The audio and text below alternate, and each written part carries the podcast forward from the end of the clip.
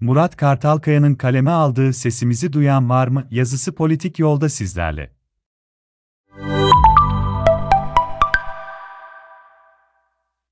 Enflasyon %48, mevduat faizi %18,2 yıllık tahvil %21, kaba hesapla mevduat sahipleri eksi 30, tahviller eksi 27 getiri sağlıyor. Herkes kaybediyor, herkes fakirleşiyor. İşin uzmanları diyecekler ki, reel getiri için bir yıl sonraki enflasyona bakmak gerek. Doğru. 2023 Ocak ayında enflasyonun %20 altına düşmesini bekleyen kaç kişidir bu ülkede? %1,2 hadi abartalım %5, hadi ilkokul matematiğiyle toplama ve çıkarma işlemi yapalım. Ocak 2022 ayı enflasyonu 11, 10. Bundan sonraki aylarda mucize olsa ve her ay enflasyon %1 olsa, yıllık enflasyon %24 eder. Bu mucize karşısında tahvil getirisi yine eksi 3 olur. Tam formüle edersek eksi 2,4 eder. Şimdi diyecekler ki, Türkiye'de faiz getirisi yok. Vatandaşı yatırıma yönlendiriyorlar. Hangi şirket ve vatandaş faiz geliri yok diye parasını yatırıma yönlendirir? Deli olması gerek. 100 bin dolarlık yatırım için 1.3 milyon Türk lirası para ayırdı. 3 ay sonra doların 18 lira, yatırım bedelinin 1.8 milyon Türk lirasıya çıkma riskini kim alır? Üstelik vatandaş hayat pahalılığı sebebiyle temel gıda dışında tüketimini durdurmuş evine kapanmışken, ürettiğini kime satacaksın? Ülke vergi gelirlerinin %65 kadarı dolaylı vergi. Vatandaş harcamazsa devlet gelirlerinin ve yatırımlarının, desteklerinin azalacağını bildiğin halde, reel getirilerin eksi olması insanları döviz ve gayrimenkule itiyor. KKM artışı bundan. Dövizde olan da sıkı sıkıya dövizi tutuyor. Gerçi dövizin de reel getirisi şimdilik ekside. Ancak çıkacak beklentisi var. Buna karşın kimse enflasyon düşer beklentisinde değil. Gayrimenkulde korkunç kazanç var. Müteahhit 1 milyona sattığı evi 200 bin gösteriyor. Vergi 200 bin üstünden. Vatandaş 2 milyona sattığı evi 500 bin gösteriyor. Emlak vergisi 500 bin üzerinden. Sonra da da vergi kaçıranlara lanet okuyor gülümseme. Ortalık emlakçı dolu. Emekli banka müdürlerinin neredeyse son 5 yılda tamamı emlakçı oldu ve banka müdürlüğünde kazandığının katlarını kazanıyor. Tapu daireleri ana baba günü. Parası olan vatandaş reel kazanç için güvenli ve vergisi yok diye gayrimenkul alıyor. Türkiye devlet ve körfez ülkeleri vatandaşları ucuz ve risksiz diye gayrimenkul alıyor. Yıllardır inşaat ile ayakta durmaya çalışıyoruz. Türkiye çok ucuz, yabancı gelecek diyen görüşler de var. Kur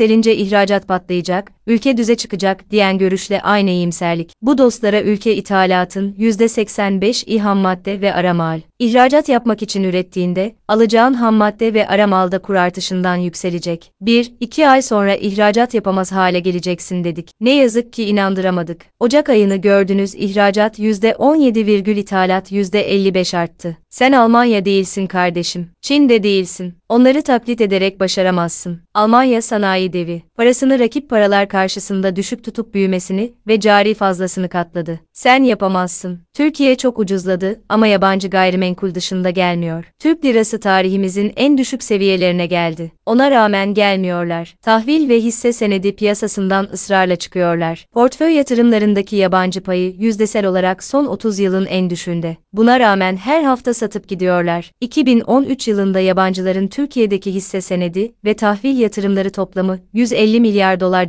civarındaydı. O zaman dolar 2 lira, avro 2,5 liraydı. Şimdi dolar 13,5 lira, avro ise 15,5 lira. Buna rağmen yabancı portföy toplamı 22 milyar dolar. Üstelik dünyanın baba ülkelerinin merkez bankaları son 2 yılda dünyayı paraya boğdular. Neredeyse 10 trilyon dolar para sürdüler piyasaya. Türkiye'ye bir sent gelmediği gibi gitti. Daha da vahimi, yabancı gelecek diye beklerken esas bizim nitelikli uzman kadrolarımız ve yatırım yapabilecek sermayedarımız yurt dışına gidiyor. Son 5 yılda 500 bin avro karşılığı Portekiz vatandaşlığına 450 vatandaşımız geçmiş. Kanada, Balkan ülkeleri, Avrupa ülkelerine ne kadar sermaye aktardık kim bilir. Lütfen iyimserliği, iktidarın her sözüne gözü kapalı inanmayı bırakın artık. Paranızın değerini düşünerek üretimi, ihracatı patlatamazsınız. Güven yoksa ülkeye nitelikli yatırımcı çekemezsiniz. İki körfez ülkesi vatandaşı iki kuruş yatırım yapacak diye bayram ederken, kendi nitelikli sermayedarınızı yurt dışına kaptırırsınız. Bunları Ve hazine yetkilileri görmüyor mu diyeceksiniz. Vallahi orasını ben de bilemiyorum işte. Ekonomistler, akademisyenler, benim gibi ekonomik okur yazarlar ve vatandaşlar aylardır can havliyle bağırıyoruz. Allah aşkına hiç sesimizi duyan yok mu?